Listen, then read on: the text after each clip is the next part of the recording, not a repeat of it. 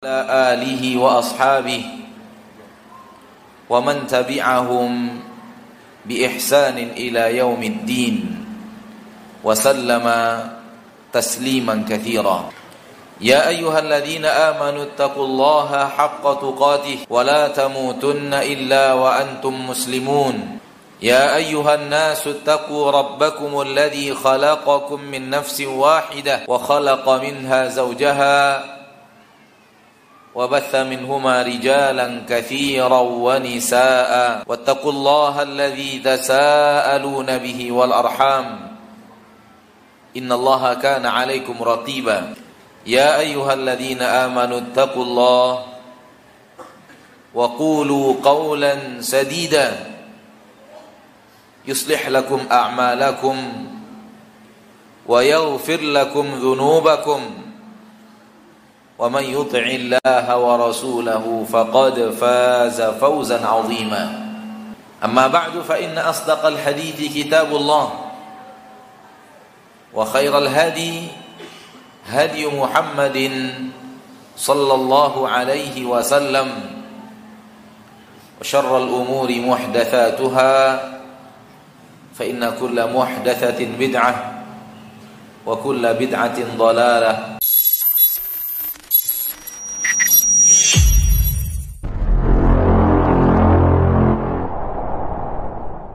salah. Dan Allah tidak pernah berdusta. Wa qawluhu haq. Seluruh perkataan Allah hak adanya. Wa man asdaqu minallahi qila. Siapa yang lebih jujur perkataannya daripada Allah subhanahu wa ta'ala maka tidak ada yang lebih jujur daripada Allah subhanahu wa ta'ala. Ketika Allah mengatakan kalian tidak akan sanggup untuk menghitungnya maka menunjukkan bahwa nikmat dan rahmat Allah Subhanahu wa taala itu begitu banyak sehingga kita tidak akan sanggup untuk menghitung rahmat dan nikmat Allah tersebut. Namun sayang banyak di antara manusia yang tidak pandai melihat banyaknya rahmat dan nikmat Allah. Tidak sedikit manusia yang merasa bahwa rahmat dan nikmat Allah yang Allah berikan kepadanya cuma sedikit.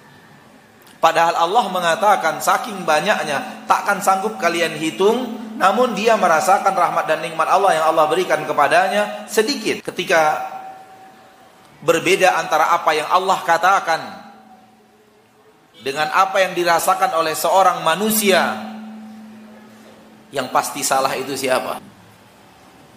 Yang pasti salah siapa? Manusia itu.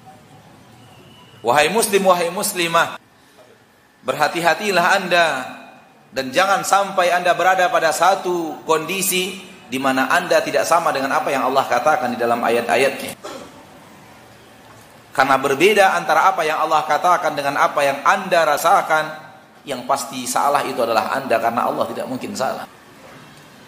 Maka rahmat dan nikmat Allah tak terhitung saking banyaknya. Permasalahannya adalah pandaikah kita merasakan, pandaikah kita melihat rahmat dan nikmat Allah yang banyak itu. Rahmat dan nikmat Allah yang tak terhitung itu. Kalau kita belum bisa melihat rahmat dan nikmat Allah yang banyak tersebut, yang tak terhitung, yang Allah katakan itu, berarti kita belum mahir melihat rahmat dan nikmat Allah yang Allah berikan kepada kita. Kita harus terus belajar agar kemudian pandai melihat rahmat dan nikmat Allah seperti yang Allah katakan. Dan rahmat dan nikmat Allah terbesar yang Allah berikan kepada manusia adalah diutusnya Nabi Muhammad sallallahu alaihi wasallam. Diturunkannya Al-Qur'anul Karim dan tidak ada rahmat dan nikmat Allah yang lebih besar daripada seorang hamba mengikuti Rasul tersebut dan beriman kepada kitabullah azza wa jal dan beriman kepada Rasulullah sallallahu alaihi wasallam. Lihatlah Firaun dan Qarun, dua manusia yang telah mencapai puncak kenikmatan dunia. Yang satu mencapai puncak kedudukan dan jabatan tertinggi. di mana tidak ada yang sampai kepada pucuk pimpinan yang lebih daripada Firaun di mana dia tidak hanya berhasil membuat rakyatnya patuh dan taat akan tapi saking berkuasanya dia kepada rakyat Mesir dia mengharuskan rakyat Mesir untuk menganggap dirinya adalah Tuhan. Ma'alimtu lakum min ilahin ghairi. Tidak ada untuk kalian Tuhan selain diriku. Ana rabbukumul a'la saya Rob kalian yang paling tinggi. Ini kata-kata Fir'aun yang Allah nukilkan di dalam Al-Quran. Dia mengharuskan rakyatnya untuk menganggapnya adalah Tuhan. Dan ia dipatuhi oleh rakyat Mesir. Sampai menganggap dirinya adalah Rob selain Allah subhanahu wa ta'ala. Dan tidak ada manusia yang mengumpulkan kekayaan dunia dari harta sehebat Qarun. Di mana dia memiliki harta yang melimpah ruah yang Allah katakan wa inna mafatihahu latanu bil usbati ulil quwwah. Kunci-kunci gudang kekayaan Qarun itu tidak sanggup diangkat oleh beberapa orang yang memiliki kekuatan lebih. Beberapa orang manusia yang memiliki kemampuan mengangkat berat yang lebih dikumpulkan tak sanggup untuk mengangkat kunci gudangnya Firaun. Kunci gudangnya Korun, saking banyaknya gudang korun, kuncinya saja tidak sanggup untuk diangkat oleh beberapa orang yang memiliki tenaga ekstra.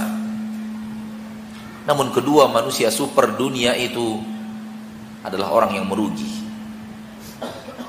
Dan mereka adalah justru simbol manusia-manusia yang merugi yang hidup di permukaan bumi. Di dalam ayat-ayat Allah, mereka bukanlah orang-orang terpuji.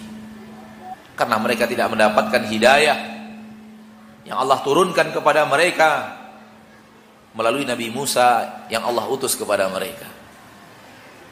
Hal yang sama, siapa pun yang mencapai kedudukan di permukaan bumi setinggi apa pun, dan siapa pun yang mencapai kekayaan di permukaan bumi sebanyak apa pun, kalau dia tidak beriman kepada dakwah yang diturunkan Allah tabaraka wa taala kepada manusia melalui Nabi Muhammad sallallahu alaihi wasallam akan mendapatkan seperti apa yang didapatkan oleh Firaun dan Qarun laknatullahi alaihima. Kerugian di dunia dan kerugian di akhirat. Ma'asyiral muslimin Ma'asyiral muslimat Al-hadirin wal hadirat dan para pemirsa di mana pun antum berada rahimani wa rahimakumullah. Nabi sallallahu alaihi wasallam mengatakan bahwa fitrah manusia adalah bersalah. Rasul kita tercinta sallallahu alaihi wasallam menyampaikan bahwa fitrah kita sebagai seorang bani Adam bersalah. Nabi mengatakan kullu bani Adam khata. Setiap bani Adam adalah orang-orang yang memiliki kesalahan. Tidak ada manusia suci dari dosa dan khilaf kecuali orang-orang yang dijaga oleh Allah Subhanahu wa taala. Kalaulah tidak turun penjagaan Allah Kalaulah kena tidak turun penjagaan Allah daripada dosa dan kesalahan, maka tidak ada manusia yang bisa berhasil lepas daripada dosa dan salah. Karena fitrah manusia adalah terjerumus ke dalam kesalahan. Kullu bani Adam khata. Manusia di permukaan bumi sekarang ini, sekarang ini, yang zaman yang kita hidup sekarang ini, semuanya pasti orang yang melakukan kesalahan. Karena tidak ada lagi orang-orang yang dijaga oleh Allah dari dosa dan kesalahan yaitu para nabi dan para rasul. Jadi jangan pernah merasa ada manusia seperti malaikat yang hidup di permukaan bumi.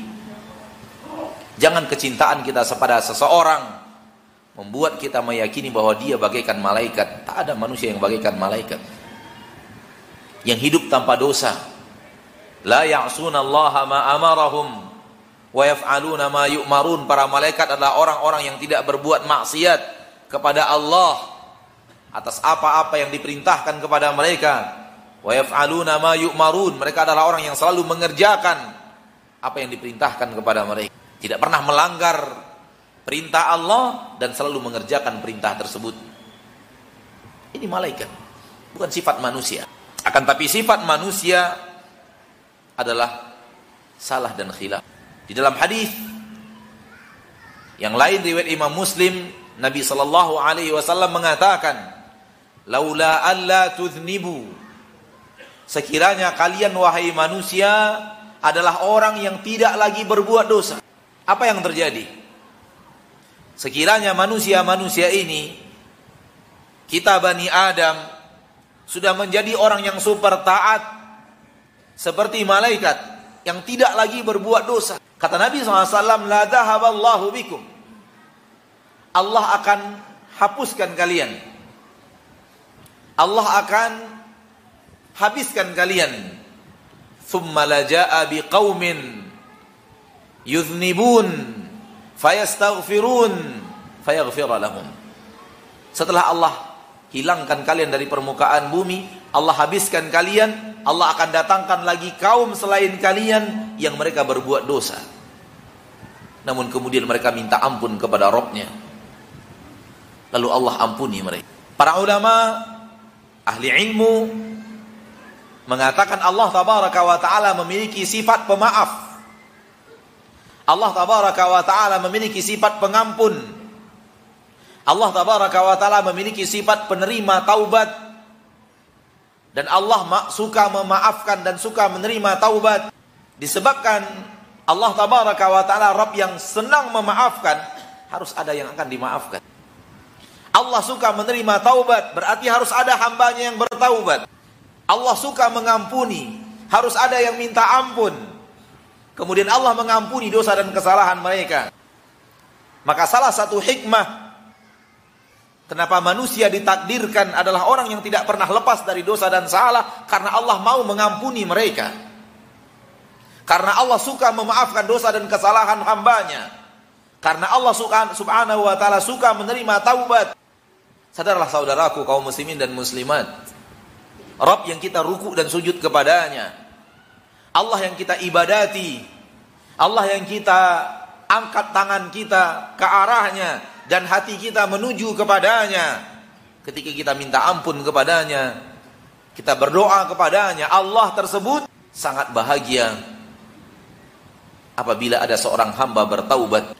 Di dalam hadis yang sahih dari Anas bin Malik Riwayat Imam Muslim. Nabi kita tercinta Muhammad sallallahu alaihi wasallam mengatakan Lallahu afrahu bi taubati abdih min rajulin kana bi ardin falah wa ala rahilatihi ta'amuhu wa sharabuhu fanfalatat min. Sesungguhnya Allah lallahu asyaddu farahan lebih bersangatan bahagianya Allah bitaubati abdih dengan taubatnya seorang hamba. Allah lebih gembira taubatnya seorang hamba lebih daripada gembira seorang hamba seorang manusia yang ada di sebuah negeri yang tandus. Gurun yang tandus padang pasir yang tidak memiliki tanaman tidak memiliki minuman dia datang ke gurun itu dengan membawa kendaraan dan tunggangan. Di atas kendaraan dan tunggangan itu makanan dan minumannya. Lalu tunggangan itu lari daripada dirinya. Fatalabaha hatta aisa. Dia berusaha untuk mengejar dan mendapatkan kembali tunggangannya itu karena di atas tunggangan itu terdapat makanan dan dan minuman. Sampai dia akhirnya putus asa. Lalu kemudian dia beristirahat di bawah sebatang pohon dan yakin kematian akan datang menjemputnya. Bayangkan kondisi seorang manusia seperti yang digambarkan oleh Nabi kita Muhammad sallallahu alaihi wasallam wa huwa alladzi la yantiqu 'anil hawa dan Rasul tidak pernah berbicara melalui hawa nafsu. In hiya illa wahyu yuha. Apa yang diwahyukan kepada apa yang disampaikan adalah wahyu yang diwahyukan kepada beliau sallallahu alaihi wasallam. Dan dia yakin kematian sudah datang menjemputnya, akan segera datang menjemputnya. Orang yang sedang berada di negeri yang tidak ada makanan dan tidak ada minuman dan dia mengejar hewan tunggangannya sampai putus asa dan lelah dan dia duduk di bawah sebatang pohon dan ber, berbaring di bawah sebatang pohon yakin akan mati. Karena sudah sangat lelah, kehabisan tenaga, dengan rasa haus dan lapar yang berlipat ganda. Dia yakin meninggal. Dan dia tertidur di bawah pohon itu. Ketika terbangun, ternyata hewan tunggangannya ada di sampingnya. Akhi fiddin, tidur adalah istirahat yang paling luar biasa. Tidak ada istirahat untuk manusia yang lebih hebat daripada tidur. Oleh karena itu Allah mengatakan wa ja'alna naumas wa ja'alna nauma subata dan kami jadikan tidur tempat istirahat. Karena tidak ada istirahat yang lebih hebat daripada tidur. Selelah apa pun kita, secapek apa pun kita, kalau kita dapat tidur, bangkit semangat lagi. Ini orang seperti itu. Ketika lelah yang luar biasa dia tertidur dan bangun, semangatnya kembali bangkit, tenaganya kembali muncul. Dan hewannya ada di sampingnya. Dengan semangat baru ditambah makanan dan minumannya kemudian tersedia kembali, dia bangkit lalu memanggil me, me, memegang mengambil dan memegang tali kekang tung, uh, tunggangannya itu bayangkan bagaimana bahagianya orang ini lalu kata Nabi SAW dipegangnya tali kekang hewan tunggangannya lalu dia berkata saking bahagianya Allahumma anta rabbi anta abdi wa ana rabbuk. Ya Allah engkau adalah hambaku dan aku adalah Robmu akhta'a min syiddatil farah. Kata Nabi orang ini salah sebut. Saking saking gembiranya terbalik. Dia bersyukur kepada Allah. Harus yang dia ucapkan Allahumma an, anta rabbi wa ana abdu. Wahai Rabbku, engkau adalah Rabbku, ya Allah engkau adalah Rabbku dan aku adalah hambamu. Tapi saking bahagianya terbalik dia mengucapkannya. Ini menunjukkan bahwa manusia walaupun melafazkan kalimat yang di dalam kalimat itu ter, terdapat kekufuran, namun dia tidak sengaja mengucapkannya, itu tidaklah kufur.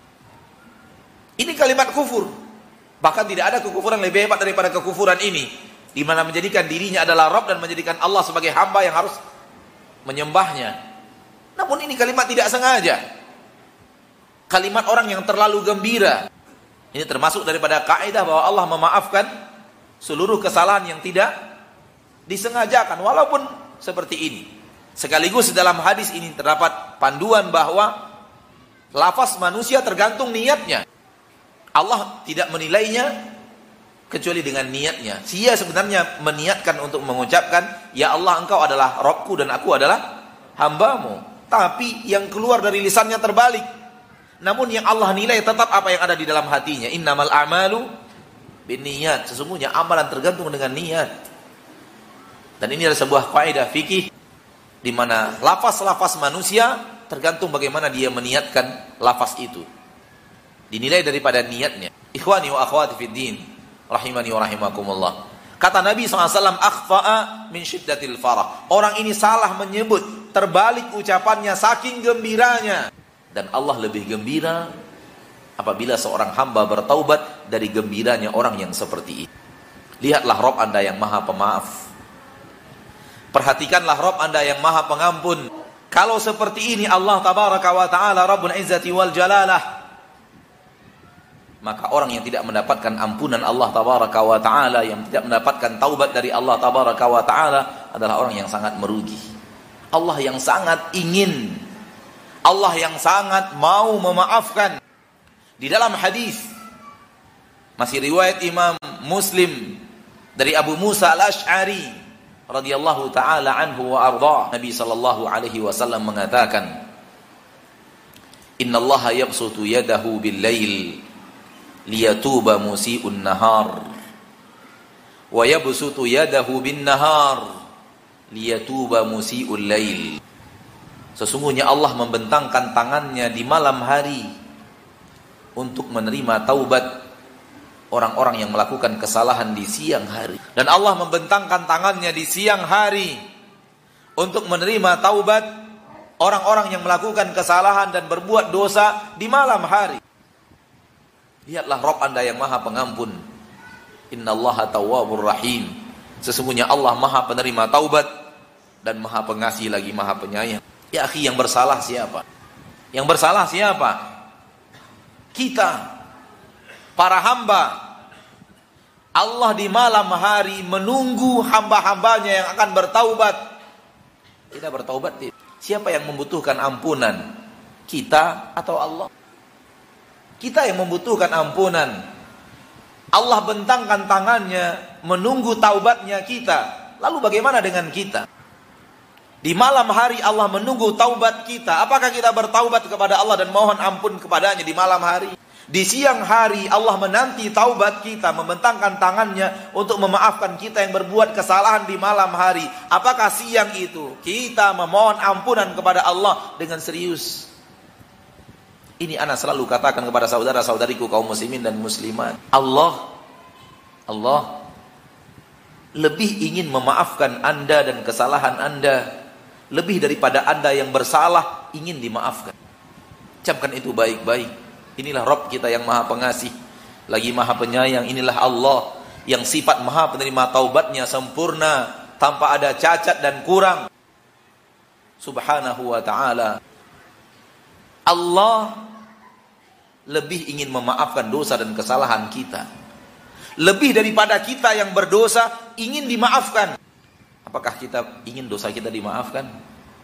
Jawabannya, iya. Allah ingin lagi memaafkan. Lebih daripada kita ingin dimaafkan. Padahal kita bersalah kepadanya. Kita yang berdosa kepadanya. Kita yang melanggar aturannya. Dan kita melanggar aturannya dengan menggunakan nikmat-nikmatnya. Manusia melanggar aturan Allah dengan menggunakan nikmat yang Allah berikan kepadanya. Allah berikan kepadanya rahmat, Allah berikan kepadanya nikmat. Dengan rahmat dan nikmat itu manusia berbuat dosa dan melanggar aturan Allah Subhanahu wa taala. Harusnya Allah murka dengan murka yang dahsyat. Akan tetapi Allah tidak seperti itu. Allah ingin memaafkan kita lebih daripada kita ingin dimaafkan. Setiap malam Allah menunggu kita minta ampun dengan serius kepadanya. Apakah kita telah datang minta ampun kepadanya? Setiap siang hari Allah menunggu kita minta ampun dengan serius kepadanya. Apakah kita datang minta ampun kepadanya dengan serius? Padahal dia menanti itu. Seperti yang dikatakan oleh Nabi Sallallahu Alaihi Wasallam. Di dalam hadis yang lain, apabila telah datang sepertiga malam yang terakhir, Allah akan turun ke langit dunia. Lalu kemudian mengatakan, "Man dzalladzi yad'uni fa astajiba lah, wa man wa man dzalladzi yastaghfiruni fa aghfir lah, wa man dzalladzi yas'aluni fa u'tiyah."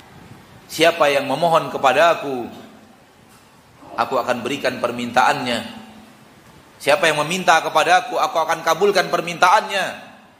Siapa orang-orang yang minta ampun kepadaku, aku akan ampunkan dosanya. Dan siapa orang-orang yang meminta sesuatu kepadaku, aku akan berikan kepadanya permintaannya. Dan itu begitu terus sampai terbitnya fajar. Lihat hadis Nabi yang mulia sallallahu alaihi wasallam. Apabila sepertiga malam yang terakhir telah datang, Allah mendekat kepada hamba-hambanya yang ada di permukaan bumi lalu memanggil hamba itu. Mana hambaku yang akan berdoa? Aku akan kabulkan doanya. Mana hambaku yang minta ampun? Aku akan ampuni dosanya mana hambaku yang meminta sesuatu kepada aku akan berikan kepadanya permintaannya kita yang berdosa ngapain kita yang berdosa seperti tiga malam yang terakhir datang tidak minta ampun kepada Allah tabaraka wa taala kita yang berdosa tidur. Kita yang berdosa nonton bola. Kita yang berdosa di depan internet. Atau apa pun yang kita lakukan, kita yang berdosa melakukan pekerjaan dunia mencari nafkah tanpa minta ampun kepada Allah tabaraka wa taala dan Allah siapkan waktunya untuk menerima ampunan menerima permohonan ampun dan memberikan ampunan kepada kita sementara manusia yang berdosa tidak minta ampun kepada Allah tabaraka wa taala. Banyak di antara manusia tidak mengambil sepertiga malam yang terakhir untuk memohon ampun kepada Allah dengan serius kepada Allah Subhanahu wa taala. Maka ambil kaidah tadi bahwa Allah lebih ingin mengampunkan dosa kita dibanding kita ingin dosa kita diampuni. Banyak sekali kita menemukan pertanyaan kaum muslimin. Ustadz, saya telah melakukan dosa-dosa yang sangat banyak Ustadz kesalahan-kesalahan yang saya lakukan tidak sedikit. Lalu kemudian sebagian mereka menyampaikan apa yang mereka lakukan daripada dosa dan kesalahan. Kemudian bertanya, kalau saya bertaubat apakah Allah masih mau menerima taubat saya? Ya akhi anda mau bertaubat? Mau. Allah lebih ingin memberikan anda taubat. Bagaimana mungkin anda ragu kepada Allah yang maha pengasih lagi maha penyayang? Bagaimana mungkin syaitan masuk ke dalam hatimu? kemudian mengatakan engkau orang yang terlalu banyak berlumuran dosa, tidak mungkin orang sepertimu akan dimaafkan oleh Allah. Tutup pintu itu, gak mungkin. Itu hanya jebakan syaitan. Itu hanya godaan iblis laknatullahi alaih dan bala tentaranya supaya Anda tetap bertahan di atas maksiat karena Anda yakin orang seperti Anda tidak akan diampuni oleh Allah. Ini adalah jebakan iblis. Apakah Anda serius minta ampun kepada Allah? Kalau Anda serius minta ampun kepada Allah, Allah lebih serius ingin mengampunimu saudaraku. Apakah Anda serius minta ampun kepada Allah? Kalau Anda benar-benar serius minta ampun kepada Allah, Allah lebih ingin, lebih serius untuk mengampuni Anda wahai saudariku. Camkan ini baik-baik di dalam hati Anda yang paling dalam tanpa ada sedikit pun keraguan di dalamnya. Yang tidak akan diampuni oleh Allah adalah orang yang tidak mau meminta ampun kepada Allah. Dan juga termasuk orang yang minta ampun kepada Allah namun hatinya sebenarnya lalai dari permohonan ampun. Sekedar lisan yang yang ia ucapkan kemudian hatinya tidak mengarah kepada titik itu. Di dalam hadis yang sahih Nabi mengatakan innallaha la yastajibu likulli qalbin ghafil. Allah tidak akan mengabulkan permintaan orang yang meminta kepadanya dengan hati yang lalai. Maksudnya diminta ampun namun tidak serius kepada Allah.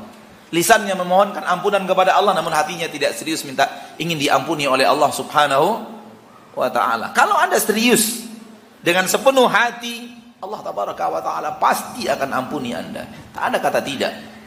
Innallaha la yukhliful mi'ad. Allah tidak pernah ingkar janji sebanyak apa pun dosamu. Allah pasti akan ampuni. Allah berfirman dalam Al-Quran surah Az-Zumar ayat 53. Qul ya ibadiyalladzina asrafu ala anfusihim la taqnatu min rahmatillah innallaha yaghfiru dhunuba jami'a innahu huwal ghafurur rahim Katakan kepada hamba-hambaku Wahai hamba-hambaku yang telah melampaui dan menzolimi dirinya dan bersangatan dalam menzolimi dirinya, bersangatan dalam perbuatan dosa, terlalu banyak dalam melakukan kesalahan kepada Allah Subhanahu wa taala. Katakan kepada hamba-hambaku itu, la taqnatu min rahmatillah. Jangan kalian putus asa dari rahmat Allah. Jangan kalian putus asa dari rahmat Allah. Innallaha yaghfiru dzunuba jami'an. Sesungguhnya Allah mengampunkan dosa semuanya. Dengarkan baik-baik. Allah mengatakan, wahai orang-orang yang ragu, Robnya mau mengampuni dosa dan kesalahannya yang katanya telah menggunung itu. Katanya sudah terlalu banyak yang datang kepada hatinya bisikan-bisikan iblis untuk bertahan karena dia sudah terlalu kotor di kubangan maksiat. La taqnatu min rahmatillah. Jangan pernah putus asa dari rahmat Allah. Kalau anda minta ampun dan serius. Inna Allah yaghfiru dhunuba jami'an. Allah mengampunkan dosa semuanya. Semuanya. Apa arti semuanya? Seberapa banyak pun dosa anda. Allah akan ampuni semuanya. Karena anda berhadapan dengan Rob yang maha pengampun. Anda adalah hamba dari Rob yang maha pengampun yang lebih ingin mengampuni dirimu lebih daripada Anda ingin diampuni oleh Allah. Yang Allah ingin menyayangimu lebih daripada Anda ingin disayangi oleh Allah. Yang Allah ingin merahmatimu lebih daripada Anda ingin dirahmati oleh Allah. Yang orang-orang yang tidak serius. Yang Allah tidak akan ampuni. Tapi kalau Anda serius, innallaha yaghfiru dzunuba jami'an innahu huwal ghafurur rahim. Sesungguhnya dia adalah yang maha pengampun lagi maha pengasih dan penyayang. Allah gandengkan namanya maha pengampun dengan maha pengasih dan penyayang. Karena Allah kalau sudah mengampuni hambanya akan memberikan kasih sayangnya kepada hamba yang diampuni itu. Curahan rahmat dan kasih sayang Allah akan Allah berikan manakala seorang hamba itu bertaubat kepada Allah subhanahu wa ta'ala oleh karena itu, pada kesempatan yang berbahagia ini, Anda menghimbau saudara-saudariku kaum muslimin dan muslimat, mengingatkan diri sendiri dan mengingatkan saudara-saudari kaum muslimin dan muslimat rahimani wa rahimakumullah bahwa mari kita serius memohon ampunan kepada Allah. Suri tauladan kita Nabi Muhammad sallallahu alaihi wasallam adalah orang yang terpelihara daripada dosa dan kesalahan. Akan tetapi setiap hari beliau memohon ampun kepada Allah seratus kali. Dalam riwayat lain 70 kali. Padahal beliau adalah orang-orang yang beliau adalah orang yang tidak berdosa. Akan tapi permohonan ampun beliau kepada Allah terus mengalir dari lisannya salawatu rabbi wa salamu alaih. Dan ini istighfar tingkat tinggi. Permohonan ampun tingkat tinggi, permohonan ampun dari hamba yang tidak pernah bersalah akan tapi dirinya selalu merasa bahwa dia belum pernah sempurna dalam beribadah kepada Allah Subhanahu wa taala. Ini belum kelas kita. Ini kelasnya para nabi dan para para rasul. Kelas kita adalah masih adalah orang yang bersalah dan ingin untuk serius minta ampun atas susah dan kesalahan kita. Adapun istighfarnya para nabi dan para rasul istighfarnya tingkat tinggi, istighfarnya orang yang mencapai makom yang luar biasa. Fasabbih bihamdi rabbika wastaghfir. Idza jaa nasrullahi wal fath wa ra'aita an-nasa yadkhuluna fi dinillahi afwaja fasabbih bihamdi rabbika wastaghfir. Innahu kana tawwaba. Apabila telah datang pertolongan Allah telah datang penaklukan kota Mekah dan engkau telah melihat manusia masuk Islam berbondong-bondong tidak lagi satu orang satu orang satu kaum satu kaum satu kabilah satu kabilah satu suku satu suku Berbondong-bondong manusia masuk agama Allah Subhanahu wa taala. Pertolongan Allah telah tiba. Fasabbih bihamdi rabbika. Maka pujilah Rabbmu dengan memuja dan memujinya. Ucapkan tasbih dengan memuja dan memuji Rabbmu. Wastaghfir dan minta ampunlah kepadanya innahu kana tawwaba. Sesungguhnya dia adalah Rabb yang maha penerima taubat Sebagian orang mengira bahwa ayat ini menunjukkan Rasulullah berdosa. Sehingga disuruh oleh Allah minta minta ampun. Ini adalah permohonan ampun dari hamba atas dia tidak sanggup beribadah kepada Allah ibadah yang luar biasa yang pantas diterima oleh Allah Subhanahu wa taala. Orang semakin saleh akan semakin merasa dirinya beribadah belum maksimal.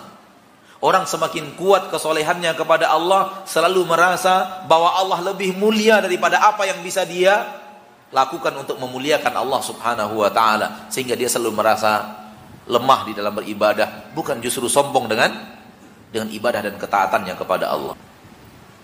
Ini sifat orang yang saleh. Selalu merasa ibadahnya sedikit dan masih kurang dan masih kurang. Dan harus disempurnakan dan disempurnakan dan disempurnakan. Ini istighfarnya para nabi dan para rasul. Rasul yang tidak pernah berdosa saja memohon ampun kepada Allah. Beristighfar kepada Allah bagaimana dengan kita? Ikhwani wa akhwati fiddin. Maka bertaubatlah kepada Allah. Allah menyuruh kita untuk bertaubat karena dia memang ingin taubat kita ini. Perhatikan Nabi Adam alaihi salam dan perhatikan musuh kita iblis laknatullahi alaih. Satu nenek moyangnya manusia dan satu lagi nenek moyangnya iblis. Nenek moyangnya jin. Dua-duanya sama-sama bersalah. Apakah Nabi Adam melakukan kesalahan kepada Allah? Jawabannya ya. Apakah iblis melakukan kesalahan kepada Allah? Jawabannya ya. Namun kenapa Nabi Adam dimuliakan dan iblis dibenci oleh Allah Subhanahu wa taala? Rahasianya ada pada taubat. Nabi Adam bersalah namun kemudian kembali bertaubat kepada Allah. Minta ampun kepada Allah atas dosa dan kesalahannya. Minta pengampunan kepada Allah kepada Allah atas dosa dan kesalahan yang ia lakukan dan minta disayangi oleh Allah dan dirahmati oleh Allah Subhanahu wa taala. Sementara iblis tidak. Iblis setelah bersalah melanjutkan kesalahannya. Maka permasalahannya bukanlah Anda bersalah atau tidak. Nabi Adam dan iblis sama-sama bersalah. Namun permasalahannya apakah Anda mau bertobat atau tidak? Karena Allah memuliakan Nabi Adam dengan taubat setelah bersalah. Dan Allah melaknat iblis dengan salah yang tidak bertaubat. Mulianya Nabi Adam dengan adanya kesalahan yang terjadi kemudian taubat yang beliau lakukan. Maka ikuti kemuliaan ayah kita Adam alaihi assalam. Ikuti jejak langkah ayah kita Adam alaihi salam Soal bersalah, kita juga bersalah. Dan boleh jadi salah kita jauh lebih besar dari kesalahan dan kesalahan kita lebih besar daripada kesalahan Nabi Adam kepada Allah Subhanahu wa taala. Akan tetapi Allah ingin memaafkan kita. Karena Allah memiliki sifat Maha Pemaaf. Allah ingin mengampuni kita karena Allah memiliki sifat Maha Pengampun. Allah tabaraka wa taala Maha memiliki sifat Maha penerima taubat dan selalu menanti datangnya kita dengan taubat kepadanya subhanahu wa ta'ala dan dia memanggil-manggil kita ya ayyuhalladzina amanu tubu ilallahi taubatan nasuha di dalam Al-Qur'an surah At-Tahrim Allah mengatakan hai orang-orang yang beriman Allah panggil kita hai orang-orang yang beriman hai orang-orang yang di dalam hatinya ada iman hai orang-orang di dalam jiwanya ada keimanan dipanggil oleh Allah siapa pun yang di dalam hatinya ada iman Tubu ilallahi taubatan nasuha. Bertaubatlah wahai orang-orang yang beriman kepada Allah. Taubatan nasuha. Taubat yang yang nasuha. Dipanggil oleh Allah.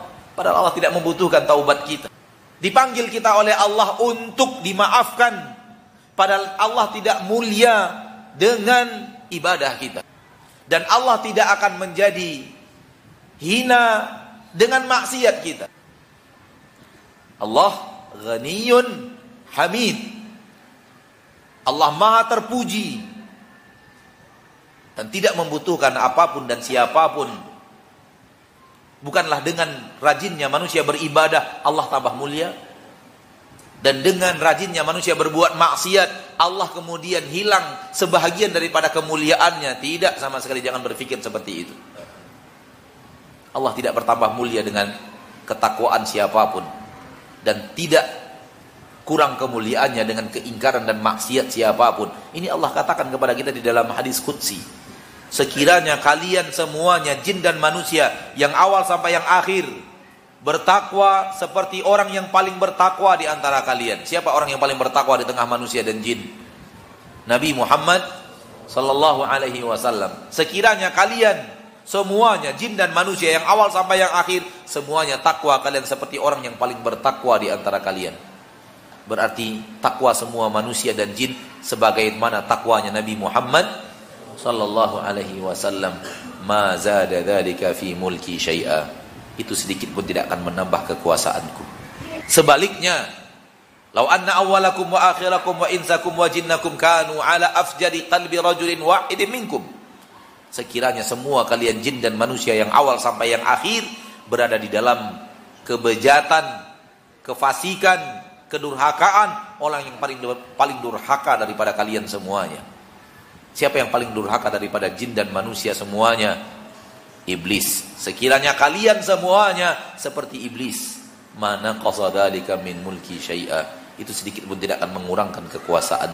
Allah bukanlah hamba seperti kita yang kalau kurang orang memujinya hilang kemuliaannya dan semakin banyak orang yang menyanjungnya semakin mulia dia di tengah manusia itu hamba kita berhadapan dengan Allah maka Allah tidak membutuhkan ketaatanmu wahai saudaraku siapa yang membutuhkan ketaatanmu yang membutuhkan ketaatanmu adalah kamu sendiri yang membutuhkan ketaatan anda adalah anda sendiri yang rugi karena kemaksiatan anda adalah anda sendiri oleh karena itu seluruh penduduk neraka Allah katakan kepada mereka, "Wa ma zalamnahum." Kami tidak menzalimi mereka, walakin kanu anfusahum yadhlimun. Mereka yang telah menzalimi diri mereka sendiri. Karena Allah sudah katakan, setiap maksiat yang Anda lakukan, Anda yang akan menikmati azabnya. Dan sebagaimana ketaatan yang Anda lakukan, maka Anda yang akan mendapatkan balasan kebaikan. Kullu nasi yaghdu faba'i'un nafsahu famu'tiquha au mubiquha setiap manusia berangkat dari rumahnya di pagi hari antara dua antara mencelakakan dirinya sendiri atau memerdekakannya dari kecelakaan dan kebinasaan dan kehinaan orang yang berbuat maksiat berarti mencelakakan dirinya sendiri mubiquha orang yang setiap hari hidup di atas taat menjauhkan maksiat famu'tiquha dia memerdekakan dirinya dari kehinaan dan kehancuran terutama kehinaan dan kehancuran di yaumil mahsyar di dalam neraka Allah Subhanahu wa taala. Adapun Allah tidak membutuhkan ketaatan hamba-hambanya yang taat. Allah sudah mulia sebelum manusia ada. Sebelum langit dan bumi Allah ciptakan. Allah sudah terpuji sebelum manusia memuji Allah Subhanahu wa taala. Dan tidaklah dengan tambahan pujian dari manusia itu bertambah kemuliaan Allah. Karena kalau kita yakini dengan banyaknya manusia memuji Allah bertambah kemuliaan Allah, itu artinya ada kekurangan dalam kemuliaan Allah sebelum dipuji oleh manusia. Sementara Allah Rob yang maha sempurna yang tidak ada kekurangan dan kesalahan pada pada Allah Subhanahu wa taala. Tidak ada kurang dan cacat. Ma'asyiral muslimin, ma'asyiral muslimat. Kita yang bersalah dipanggil oleh Allah untuk bertaubat agar Allah kemudian memberikan kepada kita kasih sayangnya setelah kita bertaubat dengan serius kepadanya ya ayyuhalladzina amanu tubu ilallahi taubatan nasuha hai orang-orang yang beriman taubatlah kepada Allah dengan taubat yang nasuha taubat yang benar-benar bersih tobat yang kosong daripada kesalahan dalam bertaubat tobat yang benar-benar suci dan sudah menjadi lisan kita umat Islam menyebutnya dengan taubatan nasuha, taubat nasuha. Nasuh artinya sesuatu yang bersih daripada daripada kotoran. Sebagaimana orang Arab mengatakan nasahtul asal idza saffaituh. Ketika orang menyaring madu agar yang keluar madu yang bersih keluar serbuk-serbuk yang bukan bahagian daripada madu, mungkin ada dedaunan, mungkin ada sisa-sisa ranting dari pemanjat madu yang kemudian masuk ke dalam madu itu disaring sehingga datanglah madu yang murni, madu yang tidak bercampur dengan kotoran-kotoran apa pun, dengan dedaunan apa pun, dengan serpihan apa pun. Madu yang murni ini, madu yang sudah bersih dan disaring dengan saringan yang sangat bagus ini disebut dengan madu yang nasuh. Maka tobat yang nasuha adalah tobat yang bersih daripada hal-hal yang merusak taubat itu. Dan ketika para ulama berbicara apa itu taubat nasuha, mereka mengatakan nasuha. Allah itu tahu khianat mata dan tahu apa yang tersembunyi di dalam dada. Maka lakukan taubat dengan menyesali. Ada sifat menyesal, penyesalan yang serius, penyesalan yang benar-benar ikhlas bahwa kita telah terjerumus ke dalam kesalahan, melanggar aturan Allah, baik menjalankan sesuatu yang dilarang, mengerjakan sesuatu yang dilarang atau meninggalkan sesuatu yang diwajibkan. Karena dosa terbagi dua. Dosa mengerjakan dan dosa meninggalkan. Dosa terbagi dua. Fi'lu mahdur boleh jadi dia adalah mengerjakan sesuatu yang telah dilarang atau tarku al-ma'mur atau meninggalkan sesuatu yang telah diperintahkan. Dua-duanya maksiat.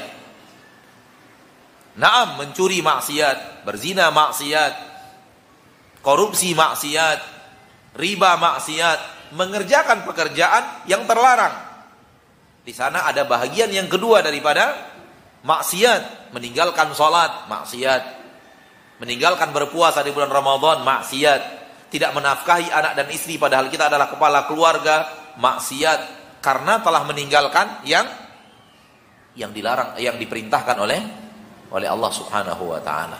Maka maksiat bukan hanya pekerjaan mengerjakan yang dilarang, namun perbuatan meninggalkan yang diperintahkan juga merupakan maksiat dan juga dua-duanya butuh taubat. Butuh penyesalan. Butuh ke keikhlasan dalam minta ampun kepada Allah Subhanahu wa taala.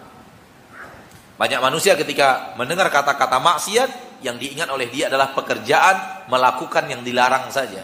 Lupa dia ada maksiat lain bahwa meninggalkan yang diperintahkan adalah juga maksiat. Maka maksiat adalah mengerjakan yang dilarang, mengerjakan yang dilarang atau meninggalkan yang diperintahkan. Sebagaimana ketaatan adalah mengerjakan yang diperintahkan dan meninggalkan yang dilarang.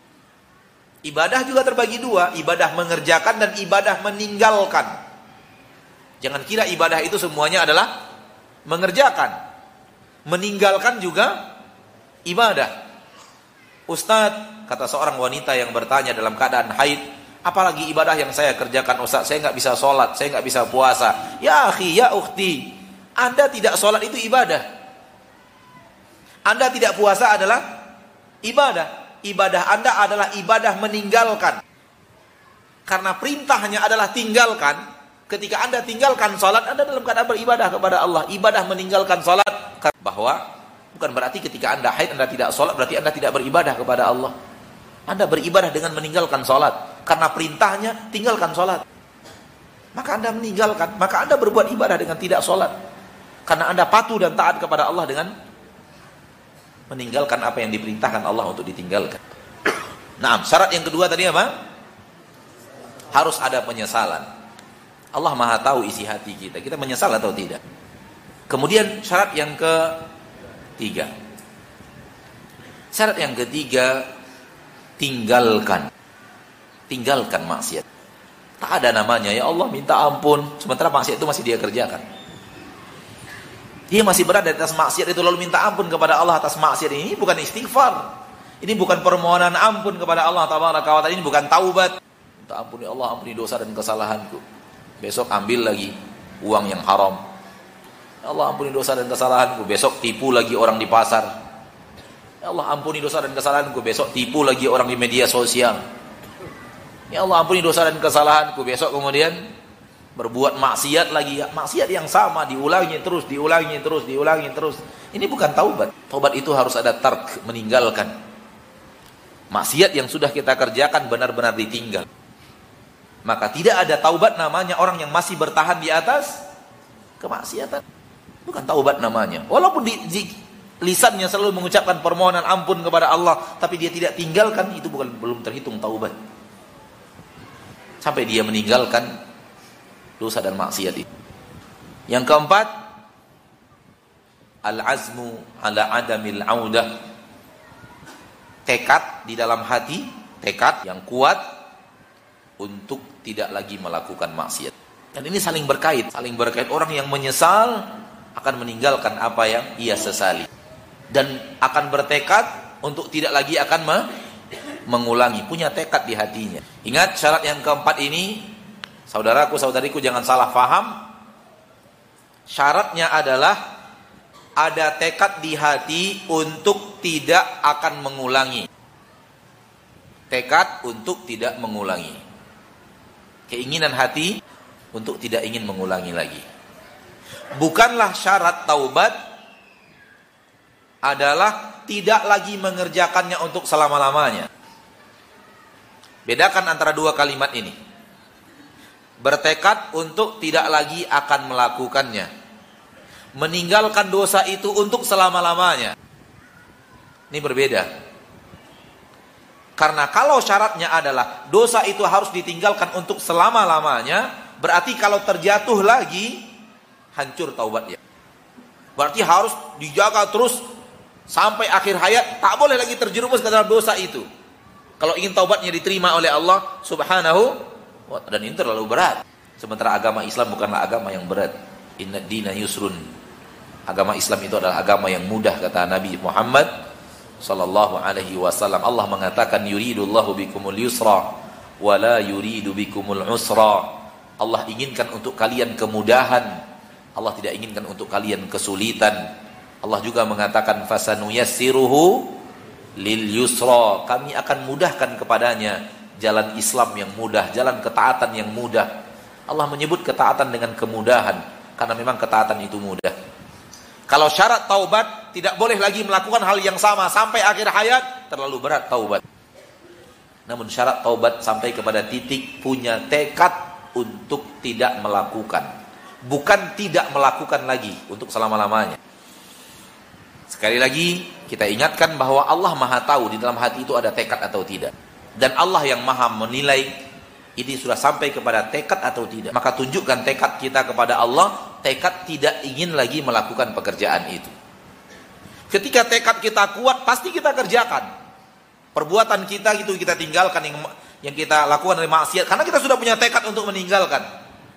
Dan boleh jadi setelah 3 tahun, 4 tahun tekad itu melemah. Setelah 6 tahun dan 7 tahun tekad yang awalnya kuat kembali rapuh.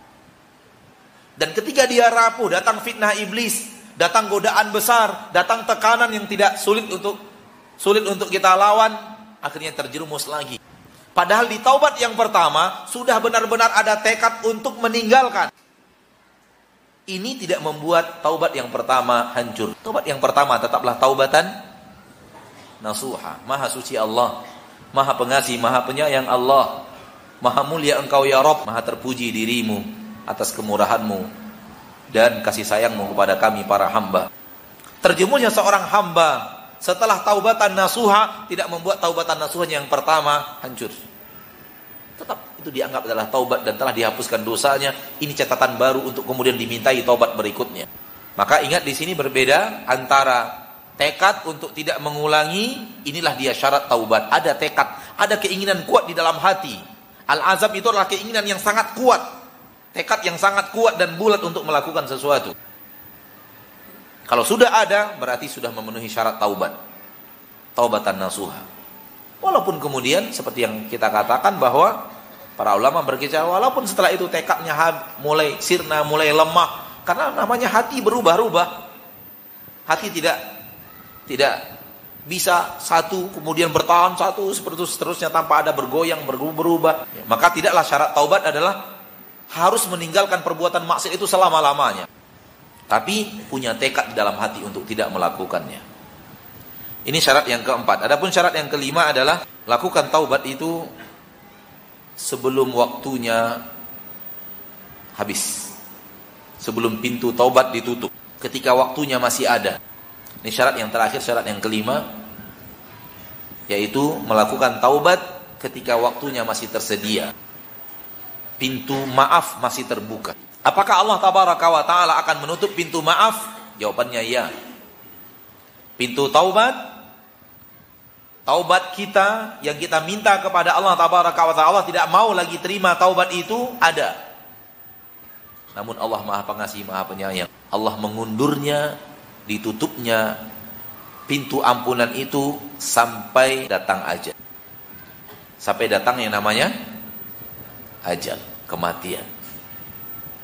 Di dalam hadis yang sahih riwayat Imam Tirmidzi Nabi SAW mengatakan Inna Allah yakbalu taubat abdin malam yugharghir Allah akan selalu menerima taubat seorang hamba selagi dia belum datang ajalnya sebelum datang ajalnya Allah akan terima taubatnya tapi kalau sudah tiba ajal maka ketika itu pintu maaf ditutup oleh Allah Subhanahu wa taala dan pintu maaf ini cukup panjang terbukanya. Anda yang sekarang sudah berumur 60 tahun, maka sudah sepanjang itulah Allah bukakan pintu maaf. Allah hanya tutup di saat kematian akan datang. Dan bukanlah zolim Allah kalau Allah tutup di masa di masa kematian akan datang padahal sudah Allah buka 60 tahun. Anda yang berumur 50 tahun berarti sudah 50 tahun Allah bukakan setiap malam, setiap siang Allah berikan kesempatan untuk diampuni dosa Anda. Kemudian tidak Anda manfaatkan, baru kemudian datangnya kematian, minta ampun kepada Allah, ingin menjadi orang saleh, ditutup oleh Allah keinginan Anda dan kemauan Anda. Ditutup oleh Allah permohonan ampun Anda. Dan Allah tidak zalim untuk itu. Anda telah buka kesempatan taubat sepanjang usiamu. Kalau Allah tutup di saat kematian datang, bukanlah itu bukti bahwa Allah tidak pengasih dan penyayang. Bahkan itu adalah bukti bahwa Allah pengasih dan dan penyayang. Bahwa Allah bukakan sepanjang usia-usia kita. Sepanjang umur kita. Di dalam hadis yang sahih riwayat Imam Muslim Nabi sallallahu alaihi wasallam mengatakan tentang seorang lelaki yang telah membunuh seratus nyawa. Seratus orang telah dia bunuh. Namun dia minta ampun kepada Allah dengan serius. Dan dia benar-benar serius minta ampun kepada Allah Subhanahu wa taala. Namun setelah itu dia meninggal dunia. Di tengah perjalanannya menuju negeri yang dia ingin beribadah kepada Allah di negeri itu.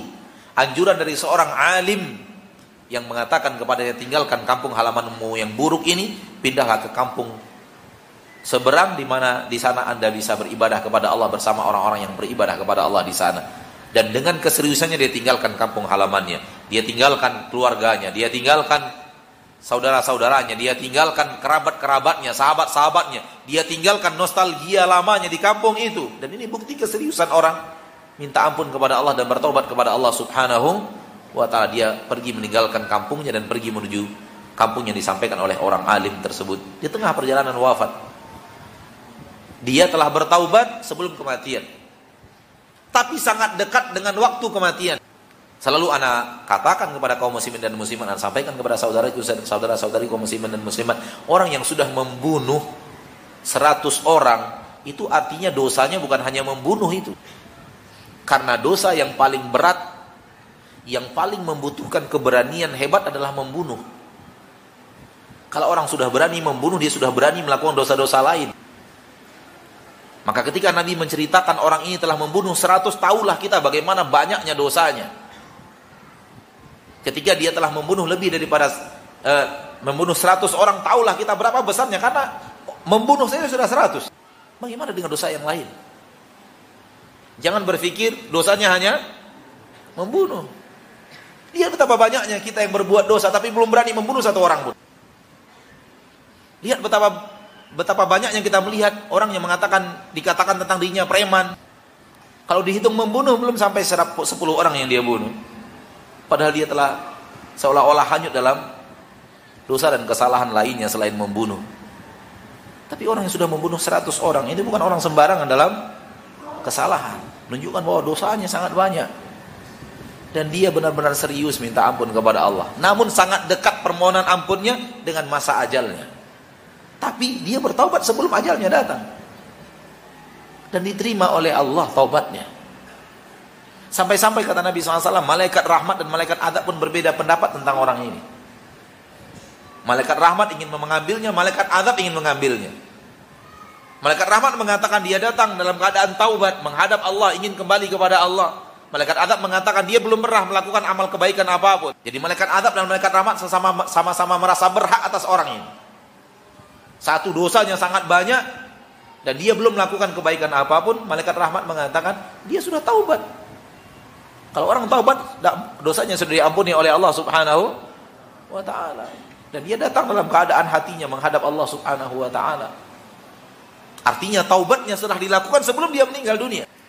Sampai Allah turunkan malaikat untuk menjadi hakim antara malaikat rahmat dan malaikat adab dengan cara diukur tubuhnya dari negeri yang dia tinggal atau ke negeri yang dia tuju? Mana yang lebih dekat? Kalau ke negeri yang dia tinggalkan yaitu kampung halamannya tempat dia berbuat maksiat milik malaikat adab kalau ke negeri yang dia tuju tempat dia mau beribadah berarti ke negeri ibadah dan dia milik malaikat rahmat. Ternyata dirinya lebih dekat kepada negeri yang dia tuju satu jengkal. Satu jengkal. Itu pun di dalam riwayat lain Nabi Nabi mengatakan Allah berkata kepada bumi yang dia tinggalkan menjauhlah. Dan Allah berkata kepada bumi yang akan dia tuju mendekat. Allah bisa melakukan apa pun yang dia inginkan. Yang dekat bisa dijauhkan Allah, yang jauh bisa didekatkan Allah ketika diukur oleh malaikat. Negeri yang dia tinggalkan disuruh menjauh. Negeri yang dia tuju disuruh mendekat sekira-kira satu jengkal lebih dekat jasadnya kepada negeri yang dia tuju dan dia dirangkul oleh malaikat rahmat. Ini orang yang melakukan dosa yang sangat besar. Ya. Dan dia minta ampun kepada Allah dan serius minta ampun kepada Allah sebelum ajalnya datang dan sangat dekat masa taubatnya itu dengan ajalnya itu. Sampai-sampai malaikat malaikat adab pun merasa dia tidak berhak untuk mendapatkan rahmat dan nikmat Allah karena belum berbuat apa pun. Apalagi diri kita yang kita tidak tahu mungkin ajal kita masih setahun lagi lima tahun lagi sepuluh tahun lagi dua puluh Allah alam. Kalau kita serius maka kesempatan untuk memperbaiki amal kesempatan untuk memperbaiki amal masih ada. Kesempatan untuk membenahi amal masih ada. Tidak seperti perkataan malaikat adab ini orang belum pernah berbuat kebaikan sedikit pun. Maka pintu taubat ditutup oleh Allah Subhanahu wa taala ketika kematian akan datang. Oleh karena itu di dalam Al-Qur'an akhir surat Al-Munafiqun Allah Subhanahu wa taala mengatakan wa anfiqu mimma razaqnakum min qabli an ya'tiya ahadakumul maut fayaqula rabbi laula akhartani ila ajalin qarib fa asaddaqa wa akum minas salihin. Infakkan sebahagian apa-apa yang telah direzekikan Allah kepada kalian. Tidak semuanya Allah menyuruh infakkan sebahagiannya min qabli ayati ahadakumul maut. Sebelum datang kepada kalian kematian. Fayaqul baru kalian kemudian berkata Rabbi laula akhartani ila ajalin qarib. Wahai Rabbku undurkan kematianku sesaat. Undurkan sesaat kematianku. Fa asaddaqa wa akum minas salihin. Aku ingin bersedekah aku ingin menjadi orang saleh. Allah katakan wala yuakhirallahu nafsan idza jaa ajaluha wallahu khabirum bima ta'malun Allah tidak akan pernah undurkan sedikit pun masa ajal kalau sudah datang ajal itu. Tak akan Allah undur. Maka lakukan kesolehan sebelum ajal datang. Dan pintu ini tertutup. Ini sifatnya untuk pribadi-pribadi, individu-individu. Setiap pribadi kapan tertutup pintu taubat untuknya kalau ajalnya sudah tiba. Namun ada saatnya di mana datang tidak ada lagi pengampunan atas taubat manusia yang dilakukan secara keseluruhan yaitu ketika matahari datang di di bagian barat. Ya. Ketika matahari sudah sudah terbit dari barat, ketika itu Allah tidak akan menerima taubat lagi. Nabi SAW mengatakan, "Fa tala'at min maghribiha amana nasu kulluhum ajma'un wa dzalika yaumun la yanfa'u nafsun imanuha lam takun amanat min qablu aw kasabat fi imaniha khaira." Pada saat matahari terbit di barat, manusia ingin beriman semuanya kepada Allah. Namun hari itu tidak lagi bermanfaat iman siapa pun. Orang yang belum tidak beriman sebelumnya. Maka tidak akan bermanfaat imannya lagi. Taubat sudah ditutup oleh Allah. Pintu taubat ditutup secara keseluruhan kalau matahari sudah terbit di barat. Namun secara individu per individu ditutup pintu taubat dengan datangnya ajal. Intinya adalah panjang kesempatan untuk bertaubat. Gunakan kesempatan itu. Ikhwani wa akhwati fiddin.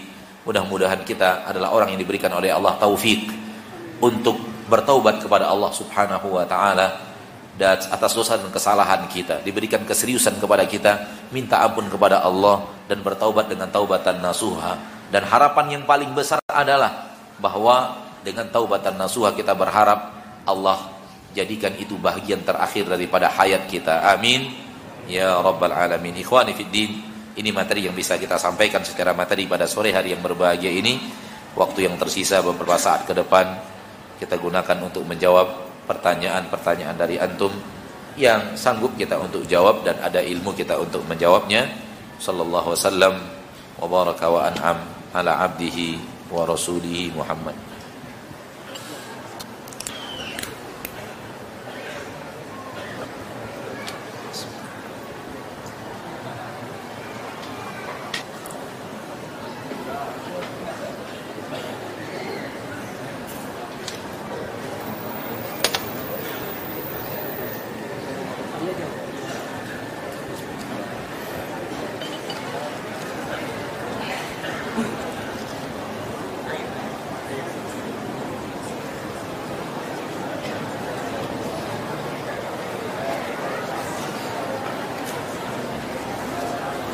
Ketika pertanyaan pertama ketika kita minta ampun kepada Allah Insya Allah Allah akan mengampuni. Karena Allah lebih suka mengampuni Daripada hambanya untuk minta diampuni. Bagaimana ciri-ciri orang-orang yang sudah diampuni di dunia ini? Ciri-ciri taubat kata para ulama yang nasuha adalah Al khairatu ba'daha terjadi kebaikan-kebaikan setelah taubat. Terjadi perubahan ke arah yang lebih baik. Terjadi perubahan pada dirinya ke arah yang lebih baik, ke arah iman dan amal saleh. Oleh karena itu Allah berfirman di dalam Al-Qur'an, "Illa man taba wa amana wa amila salihah." Di dalam surat Al-Furqan. Dalam surah Al-Furqan, di akhir-akhir surah Al-Furqan ketika Allah berbicara tentang tentang ibadur rahman, tentang hamba-hamba Allah Subhanahu wa taala dan sifat-sifat mereka, di antaranya Allah berbicara tentang taubat. Lalu Allah katakan illa man taba wa amana wa amila salihah. Kecuali orang-orang yang bertaubat dan beriman dan beramal saleh. Dari sini ada indikasi orang yang benar-benar bertaubat dan serius dalam bertaubat indikasinya semakin bagus imannya dan semakin baik amal solehnya setelah taubat itu maka ini hanya indikasi ciri-ciri Adapun kepastian diterima atau tidak diterima taubat tidak ada di permukaan bumi ini. Karena ini ilmu gaib. Yang ilmu gaib hanya Allah Subhanahu wa taala satu-satunya yang tahu. Dan tidak boleh kita pastikan. Oh saya sudah pasti dosanya diterima oleh di, di, diampuni oleh Allah nggak bisa. Sudah pasti saudara saya itu diampuni oleh Allah nggak tahu. Ilmu pasti ada di sisi Allah Subhanahu wa taala. Hanya Allah yang tahu diterima atau tidak. Kapan kita tahunya diterima atau tidak? Nanti yaumul hisab. Nanti pada saat kita dihisap oleh Allah di akhirat, kita ber berdosa dan kita sudah minta ampun dan kita sudah serius, bagi kita menangis dan kita perbaiki amal kita. Tapi soal kepastian diterima atau tidak diterima, tahunya kita itu diterima atau tidak diterima, dosa kita diampuni atau tidak diampuni, nanti pada saat hari hisab, di saat kita dihisap oleh Allah Subhanahu wa taala. Sebelumnya kita tidak akan pernah tahu diterima atau tidak. Yang ada adalah harapan besar untuk diampuni. Harapan besar untuk diterima taubat kita. Kepastian tidak ada.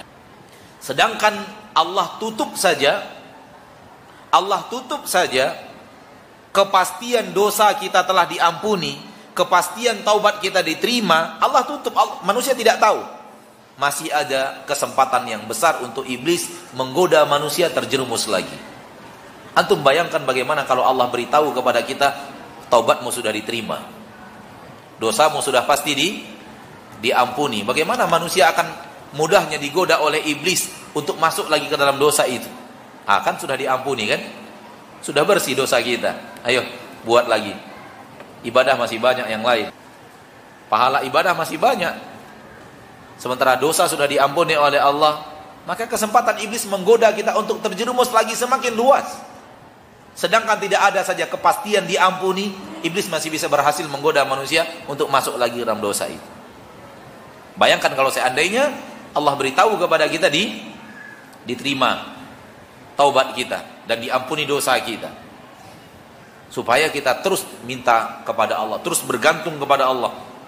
Terus berharap dari Allah, terus bertahan di atas taubat, ya. Untuk itu Allah tabaraka taala menyembunyikan kepastian diterima atau tidak diterima. Yang ada adalah harapan besar. Namun ciri-cirinya adalah beramal soleh setelahnya. Ustaz, Ana sering berdosa dan namun Ana masih menjalankan sholat lima waktu. Akan tapi perbuatan dosa masih susah untuk dihilangkan. Pertanyaannya bagaimana hukum sholat Ana? Salat antum adalah salat dan maksiat antum adalah maksiat. Itu dua-dua pekerjaan yang dua-duanya ada timbangannya. Yang mana maksiat antum diletakkan di neraca timbangan maksiat. Dan salat antum akan diletakkan oleh Allah di neraca timbangan ibadah dan akan dilihat mana yang lebih yang lebih berat, maksiatnya kah atau ketaatannya kah? Fa amma man thaqulat mawazinuh fahuwa fi 'ishatir radiyah wa amma man khaffat mawazinuh fa ummuhu hawiyah wa ma adraka ma hiya narun hamiyah. Untuk orang-orang yang timbangan amal solehnya ringan, artinya timbangan maksiatnya berat. Namun bukanlah maksiat ini selain syirik tentunya dan kufur akan menghanguskan solat Solat tetap dianggap solat. Ketika anda telah menjalankan solat dengan mendatangkan rukun-rukunnya, mendatangkan syarat-syarat wajibnya, dan syarat-syarat sahnya solat sudah didatangkan, maka anda telah solat. Soal diterima atau tidak diterima oleh Allah ini Allah yang maha tahu. Tapi anda telah solat. Harapannya tentu diterima oleh Allah subhanahu wa ta'ala. Kemudian anda berdosa. Berarti anda punya ibadah dan ketaatan, punya pahala dan punya dosa dan nanti itulah yang akan dihisap oleh Allah Subhanahu wa taala. Namun kalau solat antum benar dan serius, Nabi Allah mengatakan di dalam Al-Quran, solat itu akan mampu membuat antum berhenti daripada dosa dan maksiat itu. Dan solat itu salah satu ibadah yang menghapuskan dosa dan kesalahan. Tapi itu perhitungannya di sisi Allah Subhanahu wa taala. Saya bekerja di salah satu kantor Pimpinan tertinggi di kantor saya selalu memotong uang kegiatan yang seharusnya 100% untuk anggota akan tetapi anggota hanya dapat 50% dan pemotongan tersebut tanpa kesepakatan dan di luar aturan yang ada. Apakah apabila pimpinan saya ini bertaubat dapatkah saya dan teman-teman saya yang terzolimi ini minta pertanggungjawaban di hari penghisapan kelak Ustadz?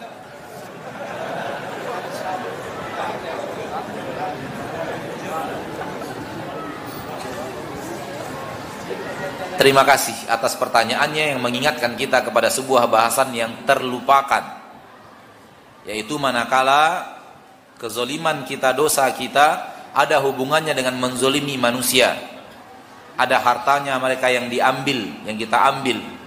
Maka taubatnya harus dengan tambahan berikutnya yaitu kembalikan hak-hak manusia yang telah kita kita ambil. Kalau ada sawahnya kita ambil, tanahnya kita ambil, hartanya kita ambil, uangnya kita ambil, minta maaf kepadanya atau kembalikan. Baik. Pertanyaan menarik, kita dizolimi. Harusnya kita dapat 100%, namun dizolimi oleh pimpinan. Dengan cara dipotong 50%. Hak kita sebenarnya secara aturan 100%. Namun dipotong. Sehingga kita dizolimi. Dan orang yang dizolimi oleh Allah, uh, orang yang dizolimi pasti Allah taala akan menegakkan untuknya keadilan. Pasti Allah akan menegakkan untuknya apa? Keadilan. Allah tidak akan sisakan di hari akhirat kezoliman tanpa ada penyelesaian, penyelesaian. Tak akan ada. Ya. Pada hari itu tidak ada kezoliman. Tidak ada satu kezoliman pun yang tidak diselesaikan oleh Allah Subhanahu wa taala. Maka ber, ber baik sangkalah kepada Allah dan yakinlah bahwa Anda kalau dizolimi pasti diselesaikan oleh Allah Subhanahu wa taala. Bagaimana cara Allah menyelesaikannya Allah alam. Dia sudah bertaubat. Bagaimana nanti Allah menyelesaikannya? Allah Maha tahu bagaimana Allah menyelesaikan antara hambanya. Akan tapi pada hari itu tak ada satu kezaliman pun yang tidak di, diselesaikan oleh Allah Subhanahu wa taala. Bagaimana cara istiqomah di dalam taubat Ustadz? Karena terkadang sebagai manusia kita lalai. Sehingga karena kita tahu bahwa Allah maha pengampun, maka santai saja kita. Dan berpikir bahwa ketika sedang berbuat dosa nanti, ketika sedang berbuat dosa, dan berpikir bahwa ketika sedang berbuat dosa, nanti kita dapat bertaubat. Sehingga akan diampuni oleh Allah atas dosa-dosa tersebut. Ini adalah jebakan iblis kepada manusia yaitu dijebak kita dengan dibuai terus kita dengan Allah itu maha pengampun Allah itu maha pengampun Allah itu maha pengampun. Ya akhi kalau yang mengucapkannya adalah Allah maha pengampun benar. Kalau Nabi Muhammad yang mengucapkan Allah maha pengampun benar. Sekarang yang mengucapkan kepada kita Allah maha pengampun iblis. Pasti dia ada tujuan untuk mengucapkan kepada kita Allah Maha Pengampun. Allah mengucapkan kepada kita Allah Maha Pengampun untuk kita disuruh bertaubat. Nabi Muhammad mengucapkan kepada kita Allah Maha Pemaaf dan Pengampun agar kita disuruh kita ber, bersemangat untuk bertaubat. Iblis mengucapkan kepada kita Allah Maha Pengampun agar mengatakan kepada kita lanjutkan maksiatmu. Lihat bedanya, lihat perbedaannya. Allah di saat mengatakan kepada kita, Allah akan mengampunkan semua dosa seperti ayat yang kita bacakan tadi. Untuk kita semangat minta ampun dan tidak frustasi daripada rahmat Allah Subhanahu wa taala. Kulli ibadiyalladzina asrafu ala anfusihim la taqnatu min rahmatillah. Innallaha yaghfiru dzunuba jami'a. Katakan kepada hamba-hambaku yang telah banyak berbuat dosa, jangan putus asa dari rahmat Allah. Kejar rahmat Allah, minta ampun kepada Allah Subhanahu wa taala. Allah mau mengampunkan semua dosa itu. Innahu wal ghafurur rahim. Dia maha penerima, maha pengampun lagi maha penyayang. Diberikan oleh Allah semangat kita minta ampun dan semangat meninggalkan dosa dengan janji Allah akan ampuni dosa itu. Namun iblis mendatangkan kepada kita Allah Maha Pengampun lanjutkan maksiatmu. Allah Maha Pengampun lanjutkan maksiatmu. Nanti, nanti, nanti. Ini bedanya kalimat yang sama, ucapan yang sama, namun dari orang yang salah yaitu iblis. Maka banyak orang yang terbuai dengan ini. Allah maha pengampun. Santai men. Nanti. Nanti minta ampun kita. Allah akan maha pengampun. Ini godaan iblis jebakan iblis. Supaya kita tetap di atas maksiat. Dengan kipasan buayan bahwa Allah maha pengampun. Oleh karena itu Allah menggandengkan maha Allah maha penerima taubat maha pengampun untuk orang yang bertaubat. Bukan Allah maha pengampun untuk orang yang selalu berbuat maksiat. Tak ada dalam Al-Quran seperti itu. Allah menjanjikan Allah maha pengampun untuk orang-orang yang mau minta ampun. Bukan untuk orang-orang yang melanjutkan maksiat. Allah berfirman, Wa inni laghaffarun. Sesungguhnya aku adalah Rabb yang maha pengampun. Wa inni laghaffarun. Sesungguhnya aku adalah Rabb yang maha pengampun. Liman taba. Untuk orang yang bertaubat. Maha pengampun untuk orang yang bertaubat. Kawannya Allah Maha Pengampun orang yang bertaubat. Padanannya, rekanannya. Sekarang disalah pasangan oleh iblis. Allah Maha Pengampun, lanjutkan maksiat. Maka ini adalah jebakan iblis saudara. Ya. Karena letakkan kalimat Allah Maha Pengampun ketika kita minta ampunan kepada Allah dan letakkan kepada kita ketika kita tidak mau minta ampun, ketika kita rajin berbuat maksiat, ketika kita lanjutkan maksiat, letakkan di sana kalimat yang pas untuk itu. Kalimat yang pas untuk itu adalah innallaha syadidun iqab. Allah adabnya sangat pedih. Karena untuk orang yang rajin berbuat maksiat dan terus berbuat maksiat dan tidak mau beribadah, yang ada adalah ancaman. Bukan kalimat Allah Maha Pengampun. Innal ladzina yastakbiruna an ibadati sayadkhuluna. Orang yang sombong untuk beribadah kepada aku, tidak mau beribadah kepada Allah, mereka akan masuk neraka jahanam dalam keadaan hina. Maka untuk orang yang melanjutkan maksiat, kalimat yang cocok dalam syariat untuknya adalah Allah Maha dahsyat adabnya. Allah itu adabnya sangat pedih. Jadi ini disalah pasangkan oleh oleh iblis untuk menggoda kita. Oleh karena itu Imam Hasan Al Basri mengatakan orang mukmin hidup dengan ibadah dan rasa takut kepada Allah atas azab-azabnya. Ini pola hidup orang mukmin. Dia beribadah, beribadah, beribadah kepada Allah, namun tetap takut diadab oleh Allah atas dosa dan kesalahannya. Adapun orang yang fasik, orang kafir, hidup dalam kemaksiatan dan merasa aman dari azab Allah. Nah, Ustadz, Alhamdulillah saya memiliki modal untuk menikah. Namun jodoh belum menghampiri. Dan ada niat untuk menunaikan ibadah haji. Mana yang harus saya dahulukan Ustadz?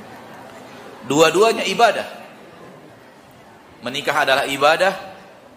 Sebagaimana menunaikan ibadah haji. Apalagi itu haji pertama adalah ibadah maka lihat diri Anda. Sekiranya Anda belum terlalu harus menikah, masih bisa bersabar, masih bisa di atas ketaatan walau belum punya istri dan Anda kemudian berangkat haji dengan dana yang ada bagus. Namun kalau Anda khawatir Anda tidak segera menikah akan terjemus ke dalam dosa, maka gunakan dana itu untuk untuk menikah. Bagaimana dengan jodoh yang belum menghampiri berusaha. Namun nasihat anak kriterianya diturunkan sedikit. Jangan terlalu tinggi.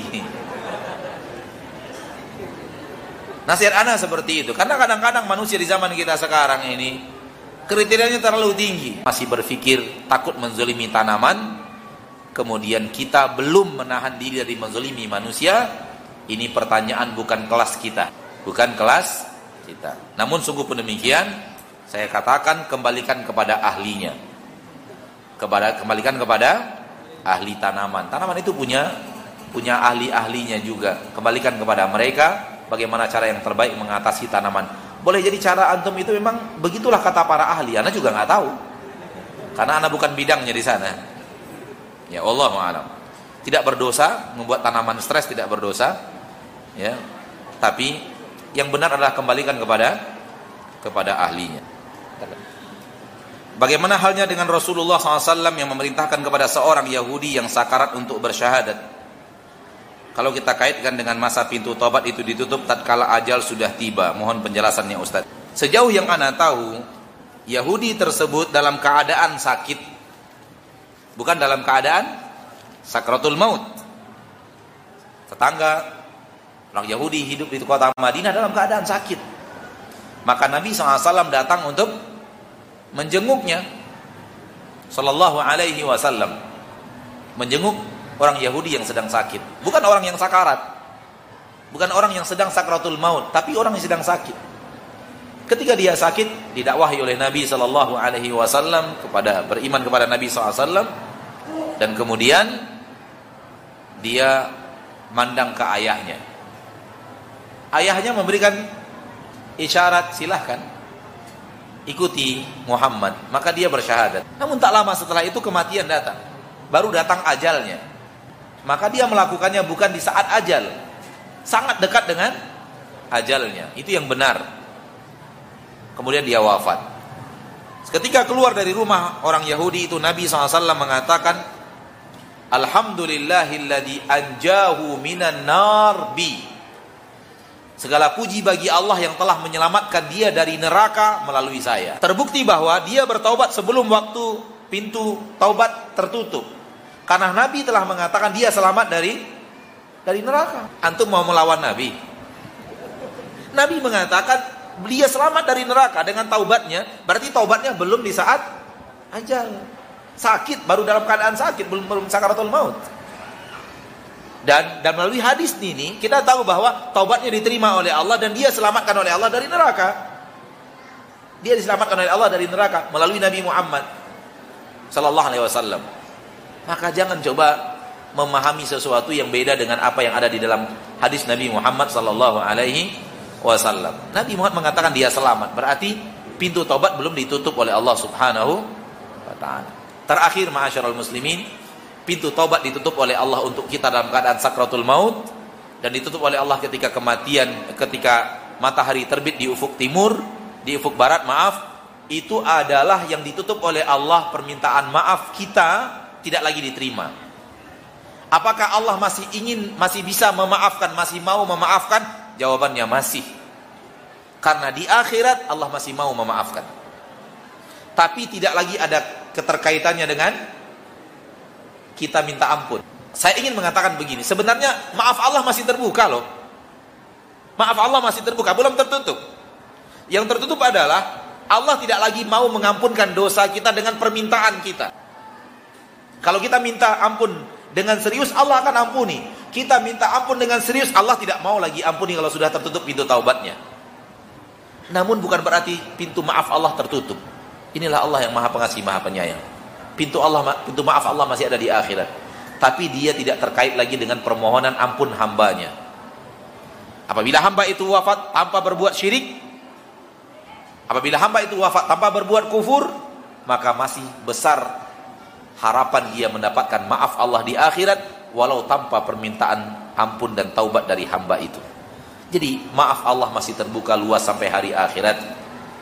Itulah Allah yang Maha Pengasih, Maha Penyayang. Mudah-mudahan Allah mewafatkan kita di atas husnul khatimah.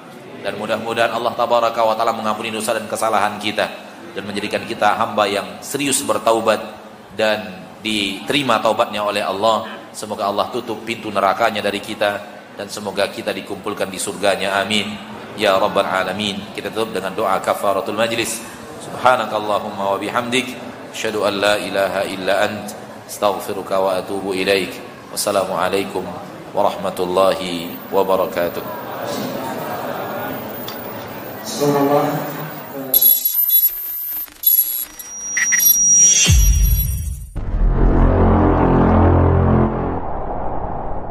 Assalamualaikum warahmatullahi wabarakatuh Alhamdulillah telah tersedia RBT Ustadz Maududi Abdullah Hafizahullah.